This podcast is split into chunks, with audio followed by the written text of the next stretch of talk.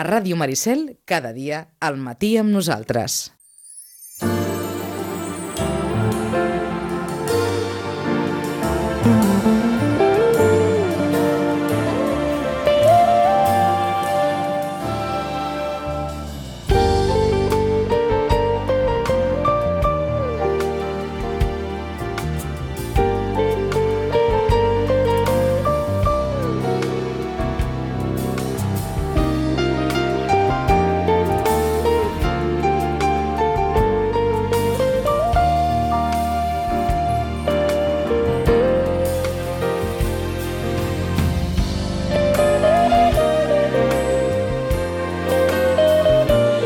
16 minuts amb el suport de l'Oficina del Parlament Europeu a Barcelona, de la Diputació de l'Ajuntament de Sitges, de la Secretaria de la Unió Europea i la col·laboració d'Eurolocal. Benvinguts a l'Hora d'Europa.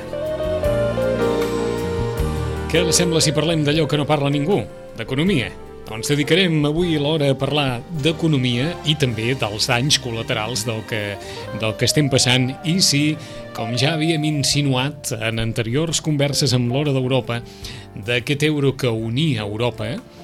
doncs ara estem en una Europa que torna a anar a dues velocitats amb una colla de països que agafen les regnes d'aquest cavall i que s'enfronten a aquells que els puguin qüestionar més o menys la seva política econòmica o les seves prioritats en matèria econòmica. En uns moments en parlarem de tot plegat avui amb Albert Royo i amb Anton Gasol. Per saludem abans Joaquim Millan. Joaquim, bon dia, bona hora. Molt bon dia. Tens la sensació que tornem a estar en aquella època en què es parlava d'una Europa de dues velocitats o d'uns països que tiraven del carro i uns altres que se'ls miraven, que a vegades els qüestionaven alguna cosa, però que se sabien que no estaven en la mateixa divisió? Jo crec que, de fet, sempre hem estat en una Europa de dues velocitats, el que passa que amb certes intensitats. Hi hagut alguns moments que semblava que això quedava diluït perquè realment havíem fet una aposta que suposava que, sobretot especialment amb la primera eh, darrera ampliació de les dues que hem fet, quan vam passar de 15 a 25, però també és veritat que en èpoques de crisi, doncs, evidentment, doncs, eh, el, el, eh, ha totes aquestes eh, dos velocitats, o inclús a vegades podríem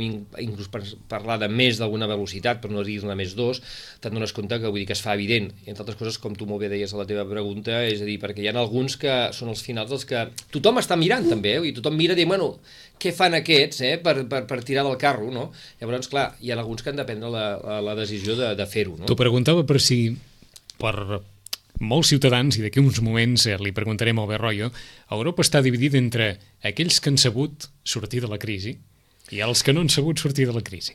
Bueno, jo penso que també va una mica a tarannars i maneres de fer, i te'n dones compte que a vegades les coses no són casuals. És a dir, hi ha els països que en principi veus que estan sortint de la crisi d'una manera, jo no diria més fàcil, però sí que estan sortint de la crisi d'una manera més decidida, i veus que comencen a tindre dades econòmiques que donen per sentat que realment doncs, estan superant ja els pitjors moments de la crisi i s'estan encarant amb una sortida, i veus que uns altres que encara ens estem aquí barallant amb papers i amb dades i amb què fem, hem de deixar de fer, i encara ens dona la sensació i la percepció de la societat que estem en una crisi profunda i ara avui quan a vegades vas pel carrer diuen bueno, uf, i això que queda encara, no? Per tant, què vull dir? Que aquest, aquest és un fet.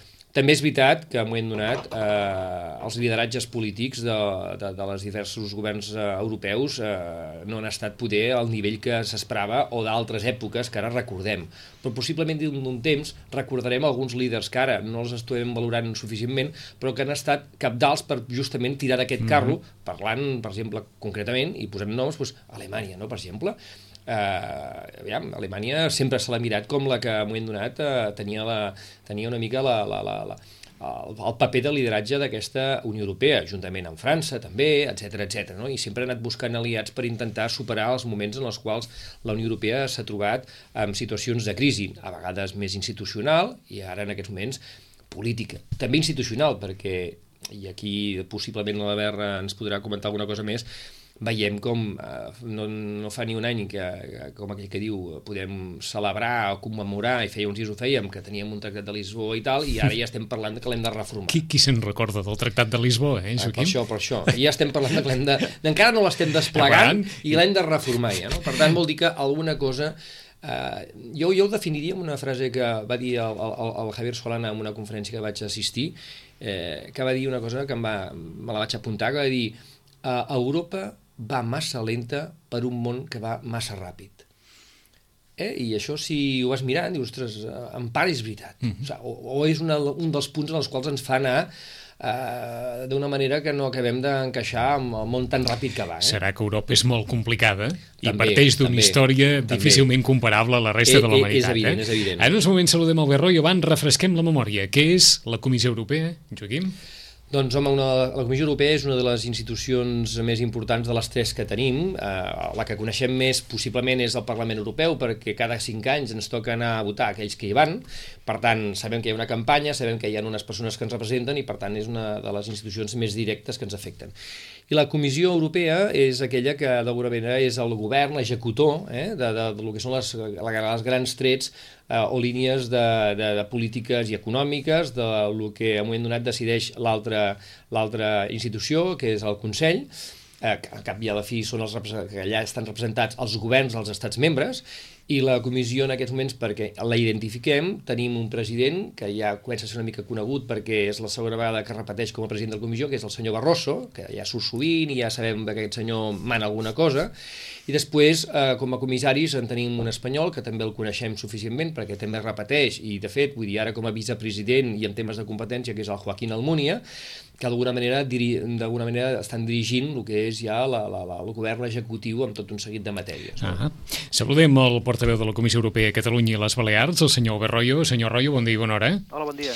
Um, comencem per aquella qüestió que li deixàvem a Joaquim Millan. Teniu una certa sensació que arran de la crisi tornem a aquella vella imatge de la Unió Europea de les dues velocitats, dels països que, que van més avançats, que se'n surten davant aquesta circumstància i dels altres que ens els mirem i, i amb una certa enveja i ens continuem plantejant què fer?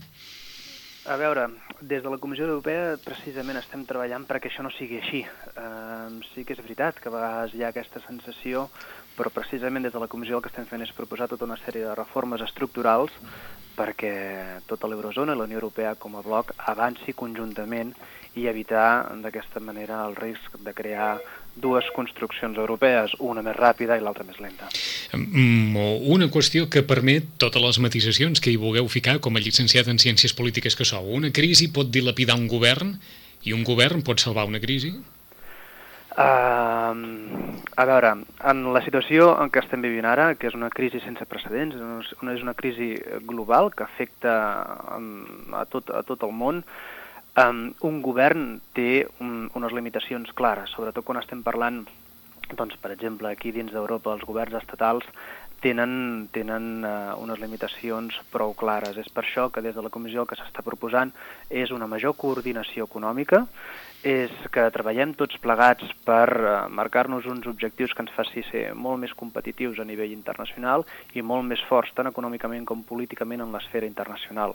Estem parlant d'un món eh, molt globalitzat, eh, estem competint amb economies emergents com pot ser la Xina, l'Índia, el Brasil, o amb les grans potències clàssiques com els Estats Units, i no ens podem permetre el luxe d'anar als 27 per separat. Per tant, és important eh, millorar la, la, la governança econòmica, la col·laboració entre els estats membres i és per això doncs, que des de la Comissió eh, s'estableixen tota una sèrie d'objectius econòmics, eh, és el que anomenem l'estratègia Europa 2020, per intentar que d'aquí a l'any 2020 doncs, Europa, mm, que de fet és el, el mercat més important del món, són 500 milions de, de persones, Europa esdevingui també la principal potència econòmica i política a nivell internacional. Mm, els 27 no poden anar per separat, però sí que és cert que alguns dels 27 són més influents a l'hora de prendre determinades decisions.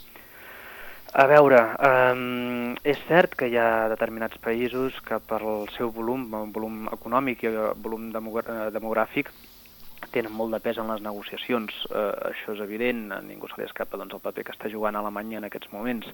Um, però sigui com sigui, les decisions les hem de prendre entre tots i de fet és entre tots que ens hem marcat aquests objectius. Alemanya s'hi ha sumat i ara el que es tracta és, una mica responent al que deia també el senyor Millan, um, que ens posem a la mateixa velocitat que avança la història. Uh, vam fer un tractat de Lisboa que va ser necessari per actualitzar el funcionament de la Unió Europea, per situar-lo per situar la Unió Europea el seu funcionament en, en termes de segle XXI, però és que han passat moltes coses a nivell internacional des de fa dos o tres anys, principalment a causa de la crisi. Ara el que cal és que eh, ens posem a treballar per, si és necessari, com sembla que, que serà necessari, que ho acordaran així els caps d'estat i de govern demà i demà passat a, a Brussel·les, es faci una petita reforma del tractat per donar, per exemple, cobertura al fons d'estabilització que es va crear mm, per oferir la possibilitat de rescatar un estat membre de l'eurozona en cas que sigui necessari. Eh, feu vostre, doncs, aquesta reflexió que Joaquim Millan també feia seva de Javier Solana.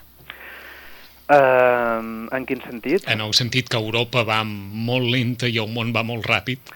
A veure, uh, certament això està passant, però hem de tenir present també una cosa que heu comentat abans, uh, és que el, el que el que estem construint a Europa és, és una unió sense precedents. No hi ha cap cas de que una colla d'estats, estats-nació, amb una història uh, molt llarga darrere seu, decideixin cedir sobirania fins al punt que ho estem fent aquí a Europa per construir una estructura política eh, superior.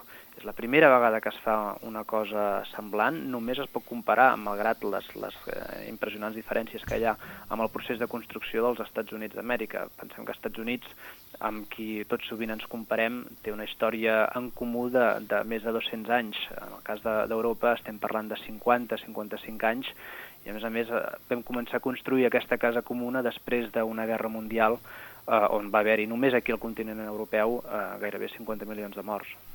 Mm. En Joaquim no. Millano us vol comentar unes quantes qüestions. No, de fet, el que volia una mica posar sobre la taula també és aquella típica clàssica frase de que necessitat obliga i poder en moment donat i ens donem en compte amb el procés d'integració europea que en els moments de crisi és Europa on ha avançat més, allò de que en moment donat ens hem donat compte de que poder era necessari la famosa frase aquella necessitem més Europa que en parlem molt, però només ens ho acabem creient quan realment eh, ens han donat compte d'aquesta crisi i que ho hem donat inclús la ciutadania, i així m'agradaria que tu em diguessis quina percepció té la comissió en aquest sentit, quan la ciutadania ho hem donat eh, amb aquesta crisi mirant molt cap a Europa pensant que eh, poder el paraigües europeu ens evita que en una època de, de fred i pluja ens acabem constipant mm, i per tant d'alguna manera ens hem aixoplugat i quan hi ha hagut països com Islàndia, Croàcia, etc, que han, especialment a Islàndia, que m'he donat, han accelerat eh, les seves peticions per poder formar part d'aquesta Unió Europea. Com, com, com valoreu des de la Comissió Europea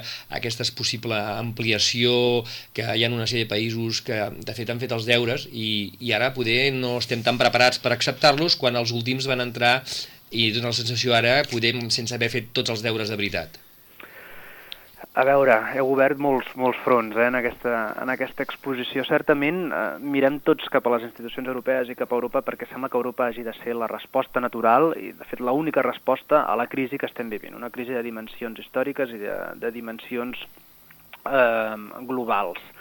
Um, dit això, donem per descomptat, els ciutadans, eh, tots plegats donem per descomptat tots els avenços que s'han fet en els últims anys, però és que si ens haguessin dit fa 20 anys que avui tindríem una moneda única com l'euro que ens protegeix davant d'atacs especuladors eh, de, la resta, de la resta del món um, o dels mercats especulatius, això no ens hauríem, no ens hauríem cregut. Um, donem per descomptat tots els avenços que s'han fet i, i jo crec que els hem de recordar, és de, és de justícia recordar-los, és de justícia recordar la creació de l'euro l'any 98, però que arriba als nostres, a les nostres butxaques l'any 2002, és de justícia també recordar el gran èxit que va significar l'ampliació de la Unió Europea als països de, de l'est del continent. Eh, hem de tenir present doncs, que fins l'any 89 estaven completament dividits la part occidental i la part oriental del continent i ara, avui dia, la gran majoria d'aquells països que abans formaven part del bloc soviètic estan dins de, dins de la Unió Europea i ho donem totalment per descomptat.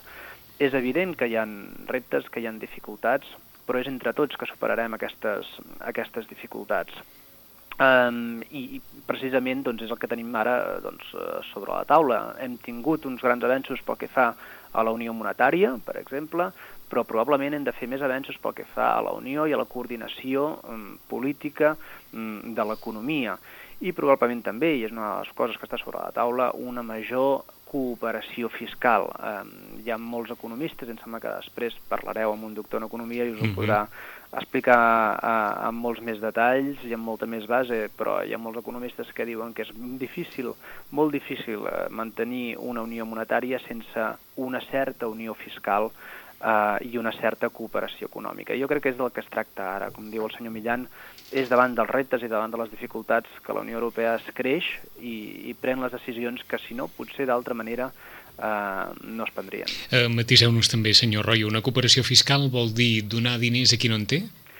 No, una cooperació fiscal vol dir harmonitzar fins a cert punt determinats tipus, eh, determinades taxes, uh -huh. um, entre, entre d'altres coses, eh? però principalment això. Per exemple, a tall d'exemple perquè sapiguem del que estem parlant, s'ha acusat sovint Irlanda de, mm. doncs, de competència deslleial perquè té un impost de societats extremadament baix uh -huh. si el comparem amb la resta de la Unió Europea. I que no ha volgut canviar, segons sembla. I que eh? no ha volgut canviar. Amb això no ens n'hem sortit, hem aconseguit eh, aprovar un paquet de mesures molt important per a Irlanda, que de fet és molt dur, hem de ser, hem de ser justos a l'hora de valorar aquest paquet. És un paquet eh, de mesures que, molt dur, amb, amb, amb, lamentablement amb un gran impacte també també social. Uh -huh. um, I polític, perquè ha descavalcat un govern. Exactament, uh -huh. i això doncs, moltes vegades té, té un component doncs, de, un impacte polític a nivell de política local. Um, però de moment els estats membres, que són al final els que han d'acabar decidint si cedeixen o no aquestes competències a les institucions comunitàries, de moment sembla que no estan d'acord en eh, establir aquests mínims d'harmonització fiscal. Uh -huh. Perquè per posar-nos a peu de carrer, això vol dir que la resta d'Europa s'hauria de costar el nostre IVA o el nostre IVA s'hauria de costar l'IVA d'altres estats europeus? Um, a veure, hi ha possibles respostes a això, a això que m'està demanant. Um, per ja no costat... parlo dels ous, eh? només parlo de l'IVA. Sí, però és que per un costat hem de tenir present que, que a nivell de l'estat espanyol tenim una pressió impositiva, uns impostos en general més baixos que la mitjana europea, uh mhm. -huh. això per un costat, però per l'altre costat podem decidir augmentar aquesta pressió fiscal en un o altre impost. Jo més que parlar de la necessitat d'augmentar o no l'IVA, que és possible que s'hagi de fer, um, més que parlar d'aquesta necessitat, parlaria de la necessitat que té la Unió Europea, les seves institucions, de tenir algun tipus de finançament directe a través del que a vegades s'ha parlat d'un impost eh, europeu. És molt difícil que puguem eh, eh, donar el suport que els estats necessiten, per exemple, amb la creació d'aquest fons d'estabilització que permet rescatar un estat de l'eurozona en cas que corri risc. Uh mhm. -huh. És molt difícil de fer aquest tipus de polítiques si no tenim un pressupost eh, doncs, doncs mínim i la Unió Europea d'avui dia treballa amb un pressupost, les institucions comunitàries treballen amb un pressupost que està limitat a l'1% del PIB europeu. Aquest pressupost s'ha limitat i de fet es va reduir respecte a fa 5 o 6 anys. Fa 5 o 6 anys la Unió Europea podia arribar, quan érem 15, podíem arribar a l'1,27% del PIB eh, europeu, amb l'ampliació que suposava donar mm, suport a, a 12 nous estats molt més pobres, 70 milions de, de persones amb una renda per, per càpita molt més baixa. Malgrat aquesta ampliació, malgrat l'augment de competències que, que, que té la Unió Europea en els últims anys, el seu pressupost relatiu ha, ha baixat.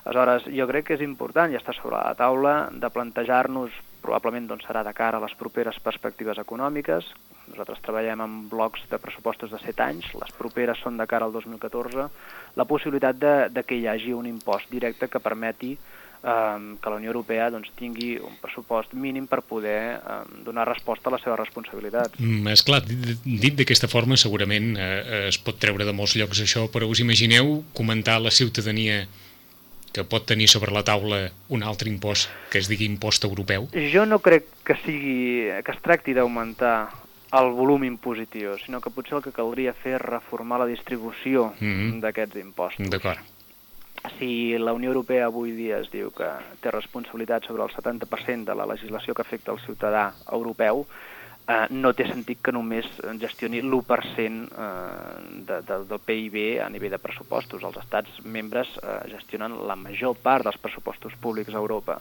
i probablement el que es planteja és una major o una millor distribució d'aquesta càrrega impositiva. Això implicaria també, evidentment, doncs un paper encara més transcendental dels organismes europeus davant les finances de cadascun dels estats que composen la Unió Europea?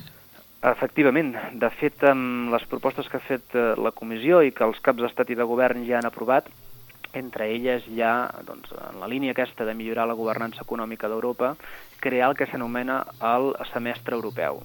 Aquest semestre europeu el que planteja és que els estats membres, abans de presentar els seus pressupostos a, a les Corts, al Parlament estatal, mm. els hauran d'enviar a Brussel·les i Brussel·les els avaluarà per veure realment que siguin consistents, que siguin coherents amb els objectius que tots els europeus ens hem, ens hem marcat de cara al futur. Vaja, que aquí ja no es podrà fer valer tant la independència de criteri.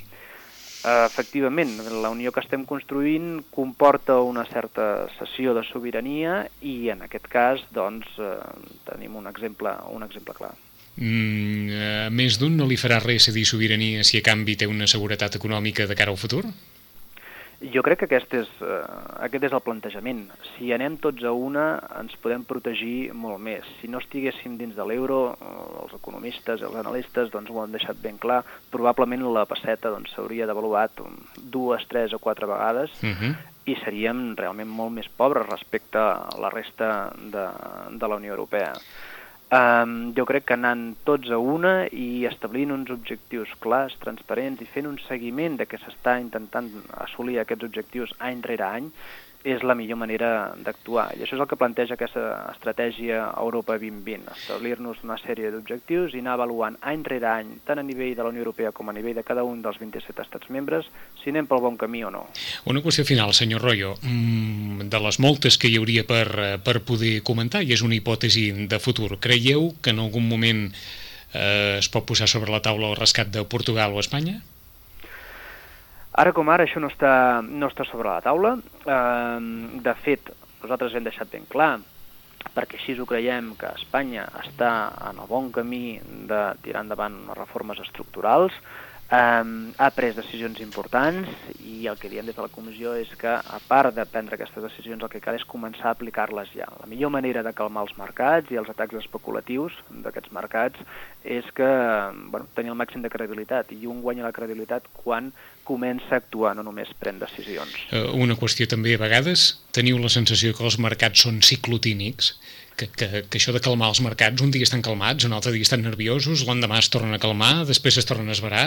Eh, els mercats, mm, per descomptat, que passen una, unes hores que, que amb una, no sé si dir, amb una mena d'esquizofrènia general, darrere la qual hi anem tots els ciutadans espantats perquè els mercats s'han espantat i demà estan més tranquils i cada dia n'hem de fer una per, perquè aquesta criatura no s'espanti, no?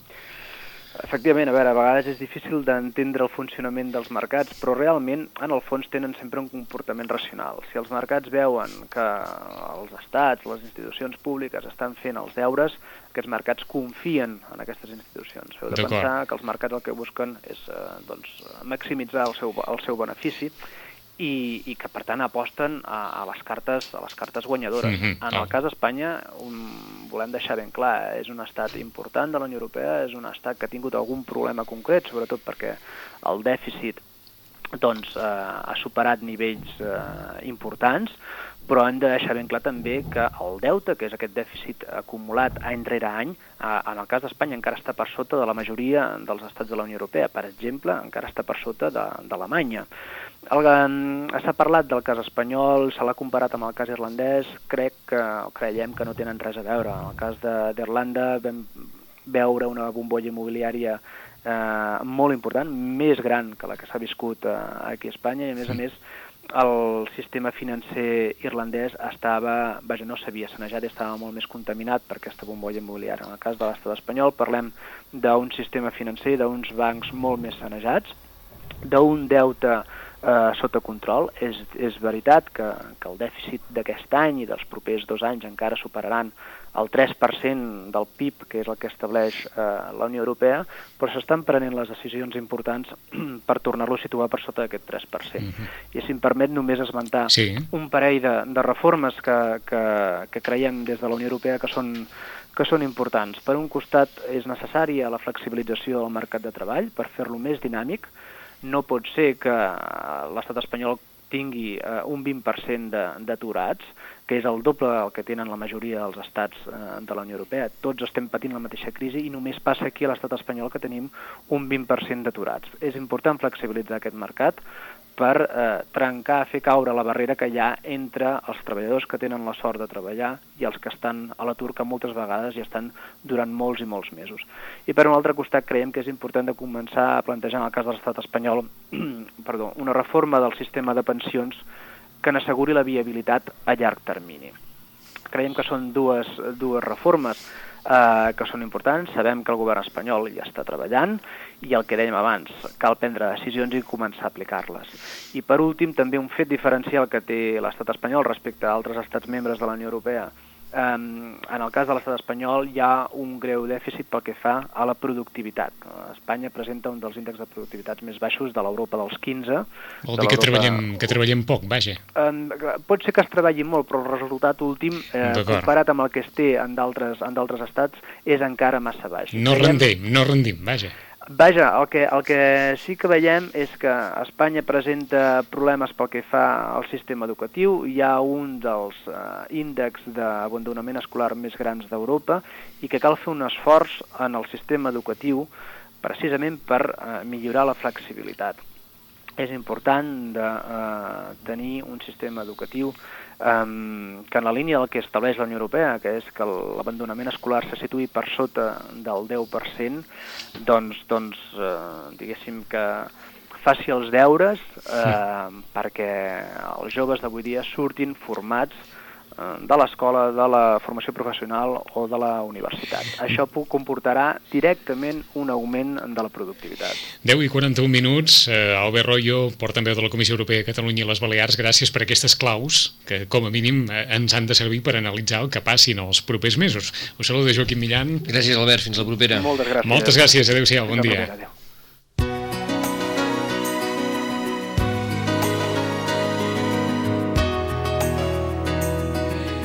Quines claus? La reforma de les pensions? Pensàvem ara en França. Quan les barbes dels francesos vegis, eh? Doncs posa les teves a remullar. Ja saben què ha passat a França amb la reforma de les pensions, una reforma de les pensions que no assenyalava pas una pensió a 67 anys, eh? sinó molt abans, perquè els francesos tenien, diguem-ne, un règim de pensió als 62 anys, la jubilació era... Ja, crec que sí, crec Creu, que sí. Eh? És, doncs... és, és, jo tinc entès que era de la més baixa... De les de... més baixa de tota la Unió Europea, més baixa, eh? Baixa. Doncs perquè vegin com estan les coses i el sistema educatiu. Una vegada més, el sistema educatiu sí, el posat... El sistema educatiu, jo fa anys que ho sento, i com hi ha l'altre tema, eh, que és el tema educatiu Diu? i el tema innovació i recerca. Ja. Són dos temes que portem dèficit acumulat, jo diria. Eh? I aquest terme de la productivitat que ha dit Pau Portaveu de la Comissió Europea l'hem escoltat moltes vegades eh, a través de directius d'empresaris de, de, i de eh, responsables d'empreses que deien que les plantes espanyoles no rendien i que si la productivitat i que si anem a un altre lloc i no sé què. Clar, doncs, ho diu l'empresari sembla que dius, ho diu, clar, ho diu l'empresari, ens vol fer treballar més. I ara el que precisament eh, no diríem que ens cridi l'atenció, perquè aquest ja és un argument que, que ha aparegut molt sovint, però els responsables d'institucions europees també consideren que Espanya està en un dels índexs més baixos de productivitat. Clar, i que quan t'ho comparen i estàs on estàs, alguna cosa falla. Eh? No és qüestió que et facin treballar més, sinó ell ja ho ha dit, no és tan sols les hores que treballes, sinó el rendiment de, uh, de, de la productivitat de l'hora, no?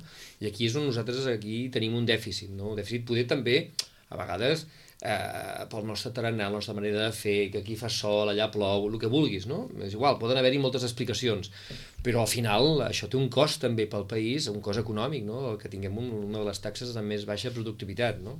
A, a, algú pot pensar, mm, a partir també del que deia Albert la Unió Europea necessita més pressupost, que parlava el bueno, Royo, doncs, evidentment, d'aquesta Unió Europea de tants estats i de tota la, de, diguem-ne, de tota aquesta maquinària que a vegades ha d'anar a rescatar algú i ha de funcionar a partir d'un pressupost que és el mateix, si fa o no fa, de quan la Unió Europea era més petita. Però segurament al cap de més d'un deu haver pensat, home, tantes vegades havíem parlat d'aquesta maquinària enorme, burocràtica, que per fer-la funcionar i el disbarat de diners que deu valer això, és bo aquesta comparació o no és bona aquesta bueno, comparació, Joaquim? Si mirem realment la maquinària, la maquinària de la Unió Europea i la comparem amb la maquinària de qualsevol altre nivell administratiu dels que coneixem, ens donarem compte amb xifres que no hi ha tanta gent, ni, ni el cost d'aquesta maquinària és tan alt.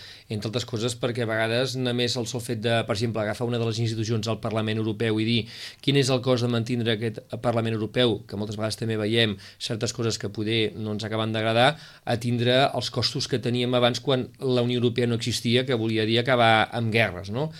Ja sé que aquesta cooperació finalment mata el debat i no acabaríem debatent mai, però sí que és veritat que també poder és una de les, les institucions europees són de les que més exigència tenen de ser transparents justament per aquesta llunyania, aquesta percepció de llunyania i que moltes vegades eh, són més properes. Eh, I ho, veu, ho veiem ara mateix si volguéssim connectar amb el que s'està fent amb la sessió Estrasburg al Parlament, podríem veure-ho en aquests moments just in time el que s'està fent, saber qui està votant què, etc etc i poder a vegades del Parlament de Catalunya al Congrés de Diputats a Madrid no ho tenim tan proper. Per tant, eh, s'ha de conèixer bé per poder eh parlar, però jo amb això no estic d'acord perquè penso que realment eh, comparativament amb altres nivells d'administració és, una, és un nivell d'administració que no té els costos que a vegades la percepció de la gent dona a entendre. Sí que ens ha cridat l'atenció, però, aquesta, Bé, aquesta nova manera d'entendre la, la governança, que és un terme que es fa servir molt ara, la renúncia, diguem-ne, o la renúncia en part al poder dels estats en favor del poder de la Unió respecte l'administració dels recursos. I és que això de portar els pressupostos de cada estat primer a la Unió Europea i després validar-los a cadascun dels estats, això és d'un, anàvem a dir, és d'un intervencionisme també mai vist. Però fixa't tu que en una època de crisi hasta la ciutadania, si preguntéssim en certa mesura, eh, ha de reclamar, bueno, que escolta'm, a Brussel·les intervinguin, no, perquè després te'n dones compte, quan vam veure, per exemple, la primera crisi important i el primer rescat que va haver-hi a Grècia, vam començar a veure que poder s'havia fet trampa, que els pressupostos, sí, sí, no sé que havien, què... Que havien enganyat que amb els números. Que havien enganyat inclús quan es va entrar l'euro, que no sé què i no sé quantos, i la gent va dir, home, doncs poder és bo que hi hagi algú per sobre que controli tot això, perquè ara aquests de Brussel·les eh, ens donen més confiança que poder els que tenim més propers. Hi havia una percepció de la ciutadania no? de reclamar que la intervenció de Brussel·les, que volia dir... Mm, un ordre. No solament salvar el tema, sinó salvar, posar les regles de joc, un ordre, etc etc etc. I aquest és un altre dels temes que jo penso de que en època de crisi mm, ens hem donat compte que poder al nivell europeu tenia un sentit especialment també perquè mirant més en fora, eh, la Unió Europea com a actor i actor actiu, eh, si em permets, en el món actual, aquest món mundial, global i tot el que vulguis, home, o, o, o volem jugar a la Champions League o, o si no acabarem jugant la UEFA. Per tant, nosaltres volem jugar a la Champions League, eh, amb el símil futbolístic, i per tant, en un moment donat, on no només ja som aquell favorit d'entrada, sinó que ara hem de competir amb els Estats Units, que tradicionalment ho han fet els darrers anys, però ara també amb la Xina, bueno, els famosos BRIC, no? Brasil, uh -huh. Rússia, Índia, Xina, i si m'apures algun altre país important que en un moment donat Austràlia no se'n parla, però en un moment donat també podria estar aquí jugant, clar, veiem que són molts més eh, allò d'entrada a poder conquerir al final de la temporada el premi. No? Per tant, això vol dir ser més competitius, productivitat, innovació, educació, formació... bueno, el que deia l'Albert Royo, no? l'estratègia 2020, que possiblement un altre dia en parlarem perquè realment marca una mica allò que se'n diu el full de ruta d'aquests propers 10 anys. Ah 12 minuts i seran les 11. El 1992, eh, un assessor de Bill Clinton li va deixar anar una frase que ha servit Bé, ha servit per tant que han passat gairebé 20 anys des d'aquell 1992 i la frase és l'economia estúpid serveix encara avui per assenyalar que el sistema i els diners mouen el món, com algunes vegades havien sentit a parlar amb els pares i amb els avis. Saludem Anton Gasol, doctor en Economia per la Universitat de Barcelona. Senyor Gasol, bon dia i bona hora. Bon dia i bona hora. Um, esclar, ara que faríem també la frase dels avis, són els diners els que mouen el món, eh? Bueno, els diners ajuden. El que mou el món és eh, l'actitud de treball de les persones, la, negació, la tenacitat, això és el que realment mou el món, les idees, l'emprenedoria, doncs i aquestes coses necessiten de diners normalment perquè realment rodin. Doncs semblava que tots aquests valors els havíem deixat de banda en els últims anys, eh? Sí, per això segurament és una de les raons perquè estem on estem, perquè molts d'aquests valors s'han perdut i pensàvem que podíem, podíem haver construït un món sense valors. I aquest món sense valors és fer un edifici econòmic sobre, sobre l'arena. Um, us ho posem en, en el context actual, perquè tothom ens parla d'una crisi sense precedents Eh, tenim la sensació que es diu massa sovint això del sense precedents i, i que el món ha viscut crisis, si més no equiparables en magnitud econòmica, amb moltes altres magnituds. Però aquesta qüestió de, dels valors, mm, encara hi ha països que ho fan servir. El que està fent Alemanya a hores d'ara és posar eh, sobre la taula aquells valors que li varen permetre superar les conseqüències de la Segona Guerra Mundial i el nazisme, que li varen permetre superar la caiguda del mur de Berlín i que ara li estan permetent superar aquesta crisi? Sí, jo, jo crec que és fonamental el fet de, de l'esforç, el fet de l'instint de superació, i posaré un exemple. Mira, jo soc, i, no, no, allò que diuen mal m'està dir-ho de mi, però la gent que emigra dels seus llocs naturals per anar a uns altres és un competidor molt més potent que els propis del lloc. Quan una persona de, no sé, jo de, de Lleida se'n va a Barcelona, doncs diu, escolti, jo no vaig per fer qualsevol cosa, jo hi vaig per millorar la meva situació anterior, per tant m'esforçaré per a veure si la puc millorar. En canvi, si un està acomodat en un lloc, només sobrevivint i més o menys intentant perpetuar allò que tenia ja, ja se sent satisfet. Per tant, efectivament, jo crec que hi ha d'haver uns estímuls uns estímuls que facin que la gent s'esforci i miri de prosperar i miri de millorar respecte d'una situació anterior. És inter... I això s'ha de mantenir viu. Ah, és interessant, però, que un, que un doctor en economia posi sobre la taula, mm, com ho diríem això, uns ingredients que en principi res tenen a veure amb el fet dels números en si i que en canvi entengueu fonamentals per superar l'actual situació econòmica. Sí, eh, sí, perquè ho crec, miri, em truca en un moment en què jo estic al Col·legi d'Economistes de Catalunya, que diríem que és la casa comú sí. dels economistes que es dediquen a l'economia en general, però sobretot a l'empresa. Sí, els economistes eh, tenim un camp de coneixement molt, molt variat i molt dispers i per tant vol dir que eh, tenim possibilitats de treballar en tots els camps de l'economia, eh, de, des de les infraestructures, des del medi ambient, des de, des de les finances, a, a, la, a la producció d'energia, el que sigui, qualsevol cosa d'aquestes. Però en totes aquestes qüestions hi ha d'haver una sèrie de virtuts que és no només el que t'han ensenyat a, a les facultats, el, el teu manteniment amb aquell coneixement que s'ha de mantenir viu sempre i després, sobretot, una actitud, una actitud de servei, una actitud de ser un bon professional, de que et posis vermell quan no fas les coses com les hauries de fer, aquesta capacitat de ruboritzar-te, doncs, bueno, de tenir vergonya i, per tant, de, un estímul de millorar, tot això, si no hi és, doncs segurament no, no és un bon ingredient per, per, per prosperar professionalment i per ajudar o per ser un bon emprenedor o per tirar endavant. D'acord, doncs si us sembla ho lliguem momentàniament amb alguns dels ítems que ens assenyalava el nostre anterior comunicant, el senyor Berroyo, a partir d'un context eh, en, en el qual no sé si estareu d'acord o no. Ha, ha cregut massa l'estat espanyol en l'economia especulativa i no en l'economia productiva i per altra banda, dins d'aquests ingredients que ens assenyalava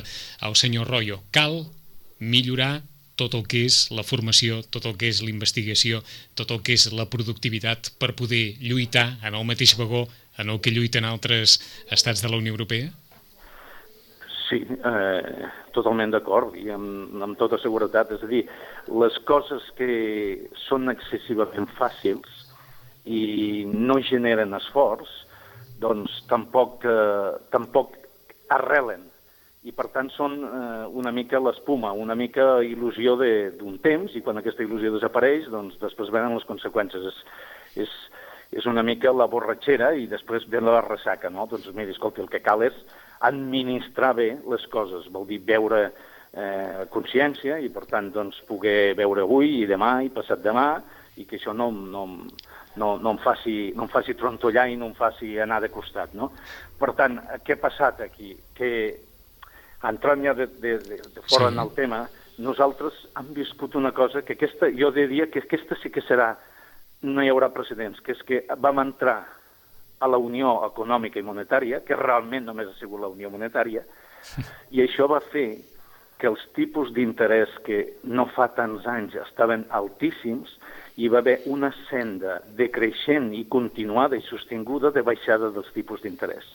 Això va fer que demanar diners, endeutar-te, fos la cosa més fàcil del món i poc gravosa. I, per tant, qualsevol negoci podia donar un elevat rendiment perquè l'endeutament no costava. I, a més, hi havia tota classe de facilitats perquè s'hi havia afegit un fenomen nou que era la mobilització de l'estalvi de tot el món sense barreres per anar d'un lloc a un altre de Xina cap als Estats Units, d'Alemanya cap a Espanya, d'Espanya cap a Portugal, etc. Per tant, aquesta mobilització de l'estalvi i l'abaratament del diner Mm -hmm. feia que la gent hagués de buscar algun tipus de productes en la que això fos no hi, no hi hagués solució de continuïtat i aleshores es feia allò que se'n deia originar per distribuir. Escolti, miri, jo faig un crèdit hipotecari, bueno, i aleshores com n'hi puc fer un altre? Doncs miri, aquest que he fet, l'empaqueto, el titulitzo, Sí. venc en forma de bo, torno a tenir els diners i em puc constituir un altre. Vinga. I així es feia una gran bombolla, diríem, des del punt de vista de inflació monetària, és a dir, hi havia una gran capacitat de mobilització d'aquest estalvi i, i multiplicar-lo. Aleshores, això feia que fos tot molt barat i amb grans quantitats. Per tant, qualsevol activitat era rendible i et podries posar amb tot amb molt poc, amb molt poc capital propi.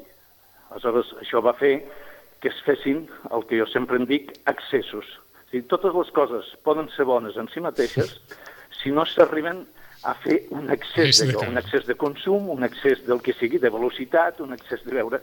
Quan es comet un excés, i en aquest cas es va cometre de forma bastant generalitzada, un excés, un excés d'endeutament que, que va fer que determinats actius, i concretament els actius immobiliaris, precisament per aquesta baixada sostinguda i continuada dels tipus d'interès, no paraven d'augmentar els seus preus perquè, com que era tan barat endeutar-se, l'altre deia, doncs mira, escolta, el que fa és pujar el preu d'aquesta casa, Ahà. aquella persona me dirà que continua pagant 500 euros al mes, com que el tipus d'interès és tan baix, allargaré la vida d'aquest préstec, Exacte. en lloc de 10 anys 15, en lloc de 15, 15, 20, en 20, lloc de 20, 25, 30, 40 i fins a 50.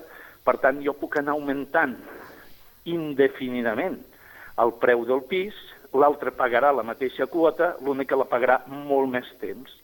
I això només tenia sentit quan el tipus d'interès era molt baix, perquè si el tipus d'interès fos com havia sigut Tota la vida. abans d'entrar de, de 15%, això és financerament impossible. Per tant, només se sosté quan el tipus d'interès, diríem, està per sota d'un 5%. Hem viscut a cavall d'aquesta, diguem-ne, mentida generalitzada, però en el minut aquest que ens queda, dues qüestions. Se suposa que els excessos només se'ls pot contrarrestar amb un capteniment absolut de, de, de la despesa i, per altra banda, creieu, i és la pregunta que també li fèiem al senyor Arroyo, creieu que Espanya haurà de ser rescatada o no?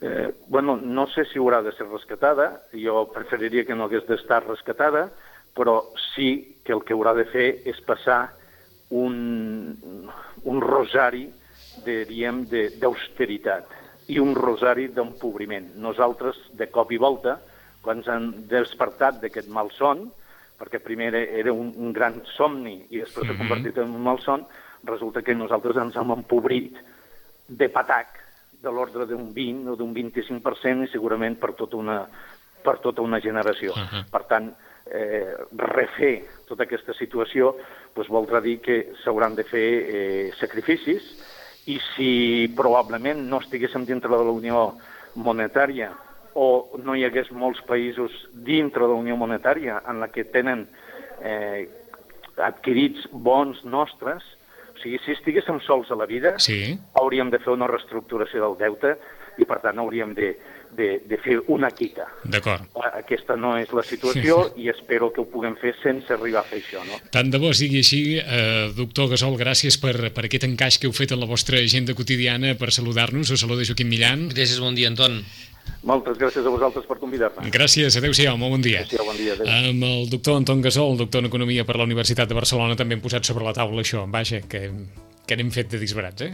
Déu-n'hi-do, jo només esperaria que almenys eh, puguem gaudir d'aquests Nadals més o menys, eh? però prudència, prudència, perquè també és veritat que sense la prudència anirem malament. Eh, M'ha donat la sensació, ja no hi ha hagut temps, que el senyor Gasol ho deia d'una forma, com allò de dir, mani qui mani, les mesures que s'hauran d'aplicar s'hauran d'aplicar. Amb simpatia, amb simpatia, amb vulguis, antipatia, però que s'hauran d'aplicar. Joaquim, bones festes, bon any. Igualment, L'any que ve continuarem, com no, amb l'hora d'Europa i, i continuarem amb la crisi que ja arrossegàvem de l'any passat. Sí, Ara ja no sabem quan, quan va començar, eh? Ara no, No. sabem quan acabarà, però tampoc recordem ja jo que que... ens va arribar de cop, però costa molt de marxar. Costa eh? molt de marxar. Joaquim, gràcies de A nou. vosaltres. Tornem en 5 minuts. A Ràdio Maricel, cada dia al matí amb nosaltres.